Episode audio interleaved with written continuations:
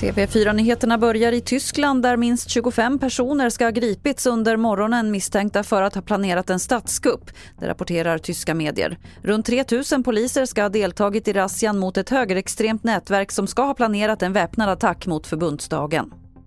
Sex av tio går till jobbet trots att de varit sjuka och borde varit hemma. Det visar en undersökning från Arbetsmiljöverket. Att man inte vill sätta kollegor i skiten eller inte har råd att vara sjuk är några av de vanligaste förklaringarna. Det är också vanligare att kvinnor går till jobbet trots att de är sjuka. Erna Selmin är generaldirektör på Arbetsmiljöverket. Vi har en väldigt könssegregerad arbetsmarknad och eh, om vi tar de kvinnodominerade Eh, yrkena med vård och omsorg till exempel. Det är inget du kan göra hemifrån. Eh, det är stressigt, det är ont om personal och där kan det ju vara extra knepigt att känna att eh, ska jag verkligen stanna hemma idag? det är stressigt för mina kollegor och nej, jag går och bidrar.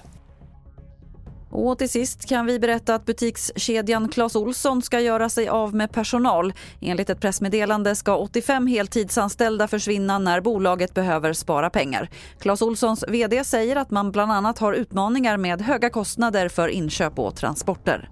Fler nyheter finns på tv4.se. Jag heter Lotta Wall.